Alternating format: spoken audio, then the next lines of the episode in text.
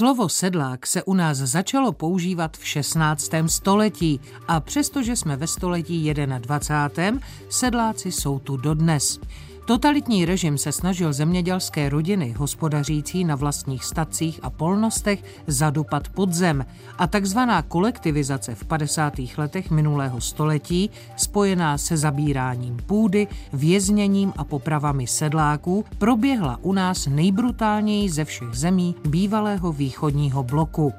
Vypadalo to, že selský stav je definitivně mrtev, protože během následujících 45 let se zpřetrhaly veškeré vazby k rodové půdě i krajině. Přesto vstali noví bojovníci a živočišným a rostlinným velkoproducentům, vyzbrojeným tunami strojů a chemických postřiků a hnojiv, statečně čelí. Jak se jim to daří, zjistíme v dnešní natuře s jedním z nich – sedlákem pod Milešovkou Danielem Pitkem. Přínosný poslech vám přeje Markéta Ševčíková. Natura.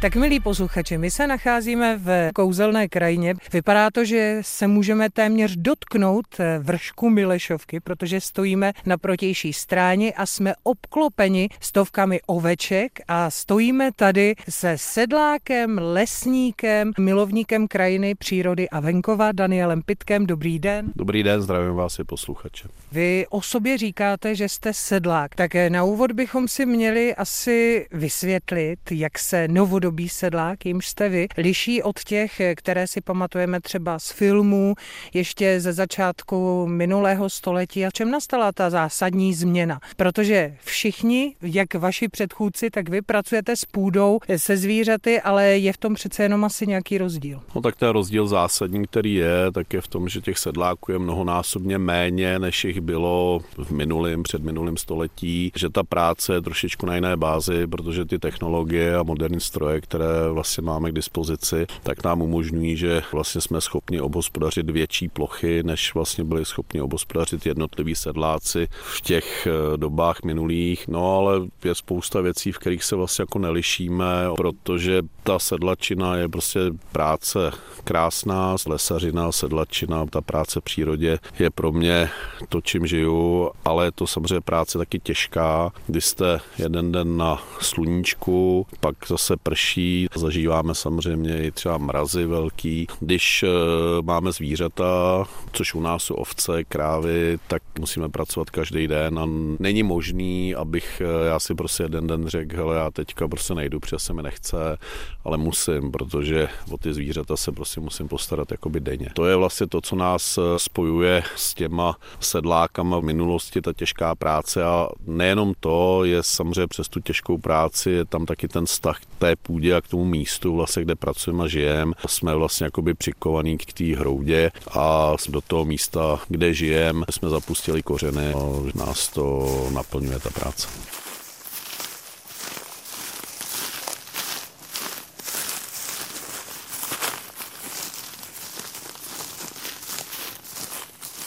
Vy hospodaříte tak, jak si asi všichni představujeme, že by měli novodobí sedláci nebo farmáři hospodařit a navíc se velmi intenzivně staráte i o to, jak vypadá ta krajina. Já, když jsme sem přijížděli, tak jsem se vás ptala, jestli vás víc láká ten les nebo to pole, protože vy jste původně začínal i s chovem jelenovitých, ale teď máte hlavně ty ovce, krávy, tak čím jste srdcem víc? To se takhle vůbec nedá říct, protože to se samozřejmě prolíná. Já jsem vystudovaný jak zemědělec, tak lesník. Lesařinu jsem dělal úplně jako prvotní práci. Dělal jsem hajního tady vlastně v těch lesích okolo. Pak jsem nějakou dobu se toulal po světě, ale k tomu, co mám rád, tak jsem se vrátil a dneska to vlastně dělám soukromně sám na sebe a podle svojí hlavy a nemusím vlastně poslouchat nikoho, kdo by byl můj nadřízený nade mnou a, a tím, že jsem vlastně sedlák a lesník na vlastní noze nebo na vlastní režii, tak jsem vlastně naprosto svobodný svobodný člověk. Tady si potom můžete dovolit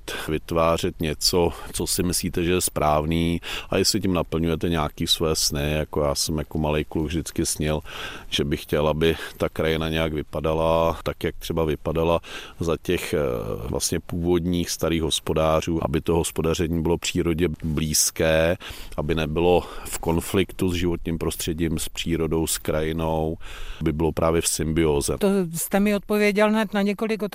Já vás sleduji na sociálních sítích a vy vždycky popisujete vlastně, co se tady nad tím českým středohořím a v něm právě děje. Velmi se zajímáte o stav vody v krajině, vy nacházíte tam místa těch někdejších přirozených tůněk a vlastně pomáháte té krajině k tomu, aby se jaksi obnovila. Což si myslím, že se nám docela daří. Já tady vytvářím hodně ty agrolesnické systémy, jak se dneska říká, což eh, je vlastně pěstování i stromů na zemědělské půdě, ať už to jsou extenzivní sady, anebo ať už to jsou lesní dřeviny, třeba na pastvinách nemáme žádné fádní strohé plochy, ale všechno je pestré, což je velice důležité pro to, aby ta krajina vlastně fungovala jako by celek, aby to nebyla jenom ta produkce té potraviny nebo nějakého toho produktu, aby tam ty plochy byly schopny nám dělat i nějakou úroveň biodiverzity, ochranu půdy proti erozi, jak vodní, tak větrné, zároveň také zadržování vody, což je téma, si myslím, číslo jedna, protože, jak všichni vidíme, tak eh, ty parametry klimatické změny velice rychle postupují i nad očekávání vědců a vidíme kolem sebe jevy, které jsou devastující. A ta krajina, která je nějakým způsobem pestře strukturovaná, je schopná využívat vlastně z toho počasí těch různých momentů, aby se ptovala vlastně na klimatickou změnu, tak to je pro nás velice důležité. Říká náš dnešní průvodce Daniel Pitek, no a my se teď vypravíme zase na další místo.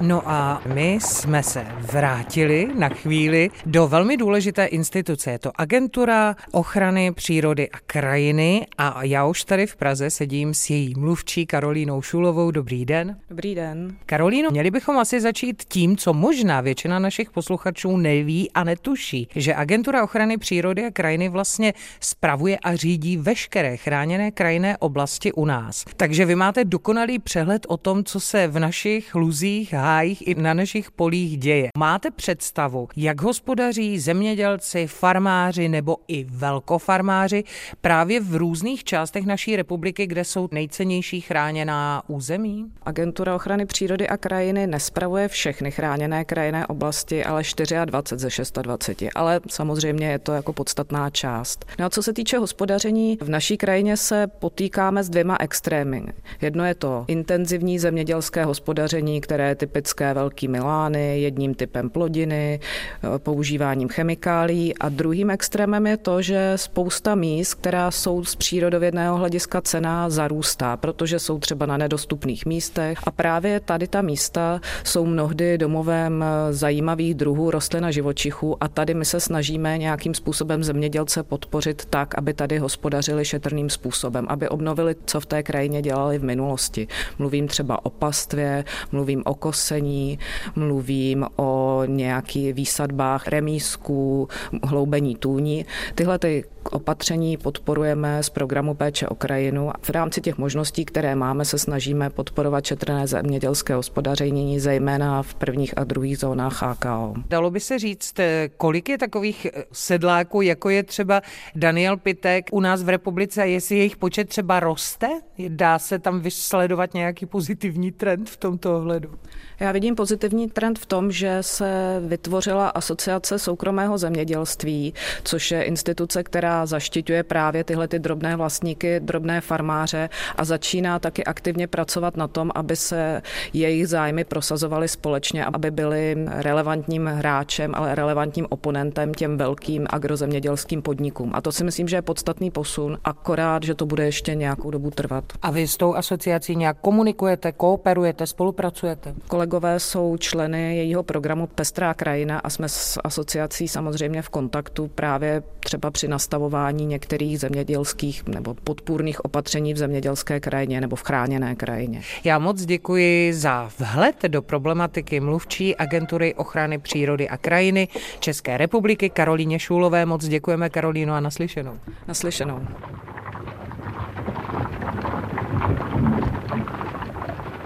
A my už jsme zase zpátky pod Milešovkou. Je tady teď úplně pohádková atmosféra, protože my jsme obklopeni stovkami zvolna se popásajících oveček. Naproti na stráně vidíme krávy a teď se dostáváme vlastně k tomu gro, k tomu jádru, protože bez vás sedláků a farmářů bychom neměli co jíst, neměli bychom jídlo. Vždycky před volbami se většina politiků vytasí s nějakou potravinovou soběstačností, s tím, že bychom to všechno dokázali sami. Je ten sen o té naší potravinové soběstačnosti úplně jaksi jalový, nebo by se s tím dalo nějak pracovat?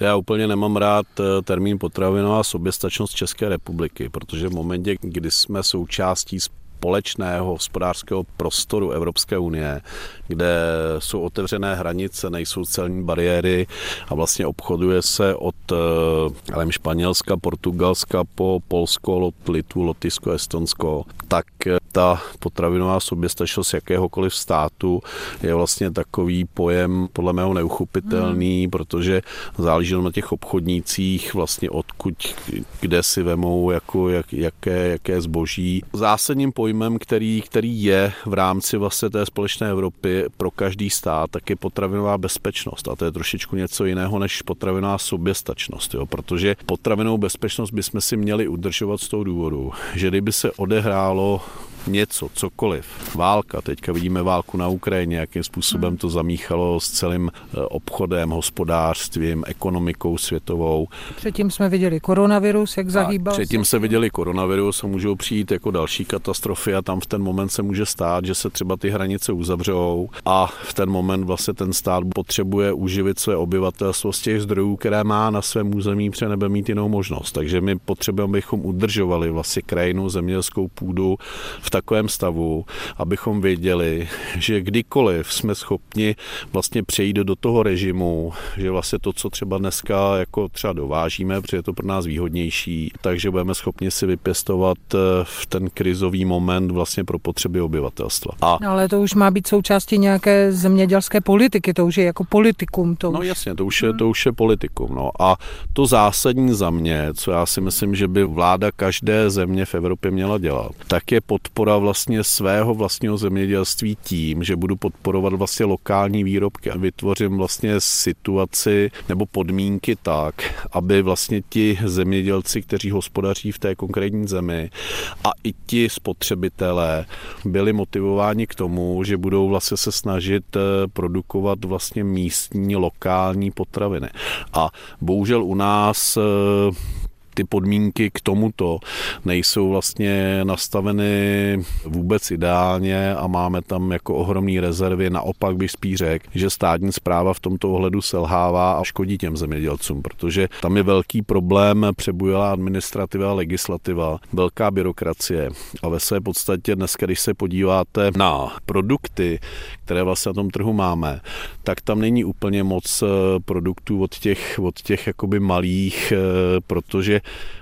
oni vlastně, když něco chtějí produkovat, tak mají velký problém v tom, že musí plnit normy jako velký podnik. A na to, to jsem oni... se právě chtěla také zeptat. Ten věčný konflikt malých a velkých těch rodinných farem a těch obrovských jako spíš zemědělských podniků. Tak eh, je to udržitelné pro nás, nebo by země velikosti České republiky měla být postavená, založená spíš na takových farmách, jako máte vy? Ve všech vyspělých zemích tak vlastně zemědělství je založeno na rodinných farmách a právě na těch malých a středních. Tak my jsme úplně atypická země v rámci třeba Evropy, kdy my máme nějakých, eh, udávalo se 155 hektarů eh, průměrná velikost podniku, teď je to někde asi 133 nebo 135 se udává. A eh, všechny ostatní země v Evropské unii tak jsou někde kolem třeba 20 hektarů, jo, 30 hektarů, někdo i dokonce míň, jsou tam prostě ty farmy mnohem menší. A přitom vlastně konkurence výrobků z těchto těch farem pro ty naše podniky je ohromná, ale ono je tam to hodně i o tom, že ve své podstatě já, když dneska budu chtít udělat porážku na dobytek nebo budu chtít udělat jakoukoliv výrobu, na sušení ovoce, na džemy, na marmelády, moštár, na síry. na síry, tak eh, těch předpisů a velice přísných předpisů je tolik, že vlastně spoustu těch eh, maloproducentů to odradí, protože oni si spočítají, že ty náklady na to, aby vlastně si vytvořili vlastně ten provoz v tom menším rozsahu, tak vlastně jsou tak díky té byrokracii, díky těm nesmyslným předpisům tak ohromné, protože oni po nich chtějí tak přísné normy, jako má třeba ta velkovýroba. Ale ta velkovýroba má mnohem větší rizika v mnoha ohledech. Jo ať už, ať už to je bezpečnost potravin a další, další věci, než ty malý provozy. A vlastně vy zjistíte, že tyhle malý provozy třeba v Rakousku, ve Švýcarsku, v Itálii, ve Francii hmm. mají mnohem měkčí jakoby, normy, mnohem jednodušší možnost vlastně vytvořit tu provozovnu, než to je v České republice. Hmm. A to není nic, co by nám vlastně jako způsobovala Evropská unie. To si způsobujeme my sami svými vnitřními normami, které tady máme a které vlastně předkládá třeba ministerstvo zemědělství a potom to schvalují naše zákonodárné sbory.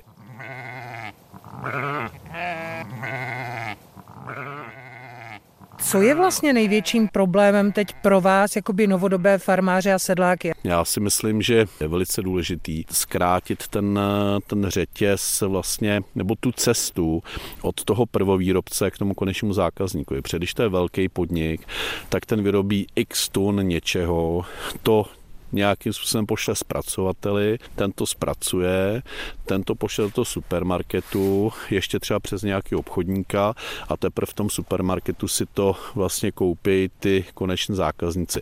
A samozřejmě ten prvovýrobce dostane z té celkové ceny, kterou za to zaplatí ten konečný spotřebitel, jenom nějaký zlomek a je tam moc těch článků, který si z toho prostě něco berou pro sebe, nějakou marži. Hmm. Kdežto, když ten prvovýrobce zároveň jako v tom malém to zpracuje. A rovnou to on prodá tomu konečnému spotřebiteli, tak všechny ty marže zůstanou u něj. A ten konečný spotřebitel to ještě má levnější, protože i přesto, že ty marže se sečtou u toho jednoho, tak on ty marže nemusí mít tak velký jako všichni ti v tom dlouhém řetězu. Hmm. No nehledě k tomu, že když si to budeme kupovat přímo u těch chovatelů, farmářů, sedláků, tak i uvidíme, jak ta zvířata vypadají, v jaké jsou kondici, což my tady vidíme. Vidíte ten původ a vidíte přesně, jak eh, to u toho, u toho pro výrobce vypadá. Že vy, když si ode mě budete chtít hmm. koupit ovci, nebo byste chtěli maso z našich ovcí hmm. nebo z našich kráv, tak vidíte, v jakém oni žijou prostředí, v jakých jsou kondici, že jsou v pohodě a je tam, je tam i věc toho, že vlastně tady vidíte, že ty ovce žijou i ty krávy vlastně naprosto jako přirozeným způsobem. A jsou mají... veselé a usměvavé ty ovce. No, jsou to spokojen zvířata, který mají i všechny jako veškeré sociální vazby, které vlastně v tom stádu jakoby fungují. A je to naprosto jako zásadní rozdíl oproti nějakým intenzivním chovům, kde ty zvířata jsou zavřený v malých prostorech, kde jsou nepřirozeně krmený tak, aby měli co možná největší přírůst a nemají tam vlastně veškerý ty ostatní jako své životní potřeby, který má to zvíře, který je extenzivně na té pastvině. No přesně tak, spokojená zvířata, spokojená krajina, zdravá a živá krajina, spokojený farmář a nakonec spokojení i my, kteří ty vaše produkty jíme. Vy budete mít pozítří Danieli narozeniny. Ono to bývá čas k bilancování, ale mě by spíš zajímalo, co byste si ještě přál, jak, jaký sen jste si ještě nesplnil z toho svého lesnického a zároveň pasteveckého a sedláckého záběru. Víte co, já bych se nepřál asi jako za sebe, protože mě se splnily ty moje sny jak měrou vrchovatou a dělám to, co mám rád, co mě baví. A přál bych si, aby i třeba v naší rodině byla návaznost, aby vlastně ty, co jsou po mně v té generaci, nám se třeba loni narodil vnuk, tak eh, samozřejmě bych měl přání, aby pokračovali v tom, co já tady dělám, nebo co my tady děláme, tak moje paní samozřejmě taky. V té obecné rovině, tak bych si ohromně přál a přál bych to České republice, aby to naše zemědělství, lesnictví se eh, posunulo směrem k těm zemím, kde to funguje a navázalo na ty předváleční tradice a dokázalo zase právě vytvořit tu pestrou krajinu na eh, většině území České republiky, ne na celém. My se o to v eh, asociaci snažíme tím, že vlastně od roku 2018 funguje program Pestrá krajina, kdy vlastně už teďka proběhl pátý úspěšný ročník, kde eh, my Jezdíme každý rok po jednotlivých eh, hospodářstvích českých a morských sedláků, kteří hospodaří odpovědně ke krajině. A my je potom prezentujeme jako příklady dobré praxe. To bych si přál, aby tak, jak to vypadá na těchto farmách, tak aby doopravdy vypadaly vlastně všechny farmy v České republice, aby se přijal zákon o rodinných farmách a, a rodinné farmy byly doopravdy základem, základem toho českého a moravského zemědělství, aby vlastně se nes, nedělo to, že že 6% velkých podniků hospodaří na 60% výměry mm.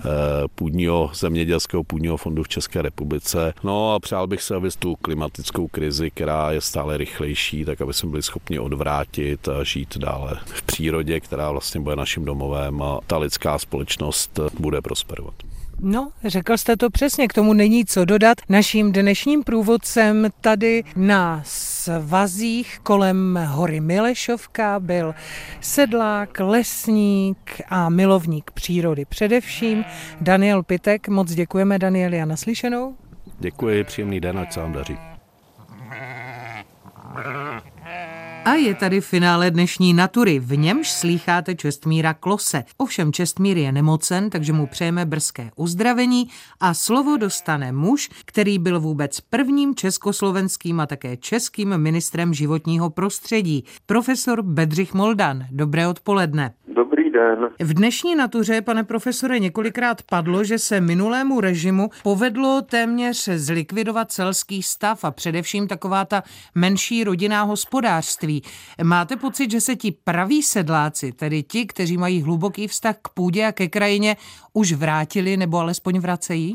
Daniel Pitek je v tomhle tam hrozná výjimka a je třeba říct, že někteří vzorní eh, sedláci jsou opravdu na těch rodinných stacích, třeba několik generací, ale těch je opravdu velice málo. A samozřejmě, že to mají tihleti sedláci, rodinné farmy a podobně nesmírně těžké, protože ta konkurence je strašná od těch velkých takzvaně, kteří prostě hospodaří na těch obrovských lánech, ale já si nemyslím, že by to byla ztracená záležitost. V současné době se pravidla nastavují v souladu s zemědělskou politikou Evropské unie a tam ty rodinné farmy jsou eh, v centru zájmu, takže nejen, že to samotné má šanci, ale může to být velmi zajímavým příkladem pro mnoho dalších, kteří se můžou podobným způsobem orientovat. No, vy jste mi vlastně už částečně odpověděl, takže můžeme nějak tady těm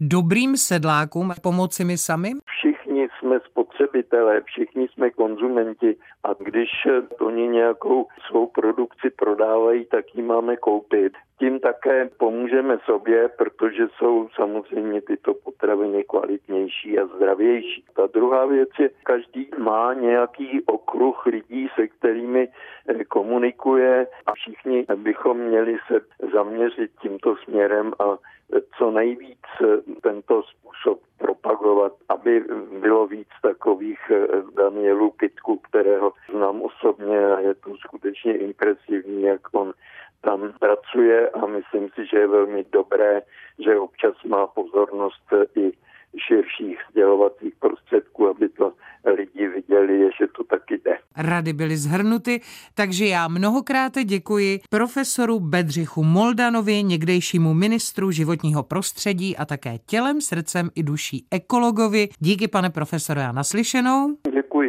Pozvání a mějte se velmi dobře. No a od mikrofonu se s vámi loučí a krásné dny, nejenom v krásné přírodě, ale také se zdravými regionálními produkty od našich sedláků vám přeje Markéta Ševčíková.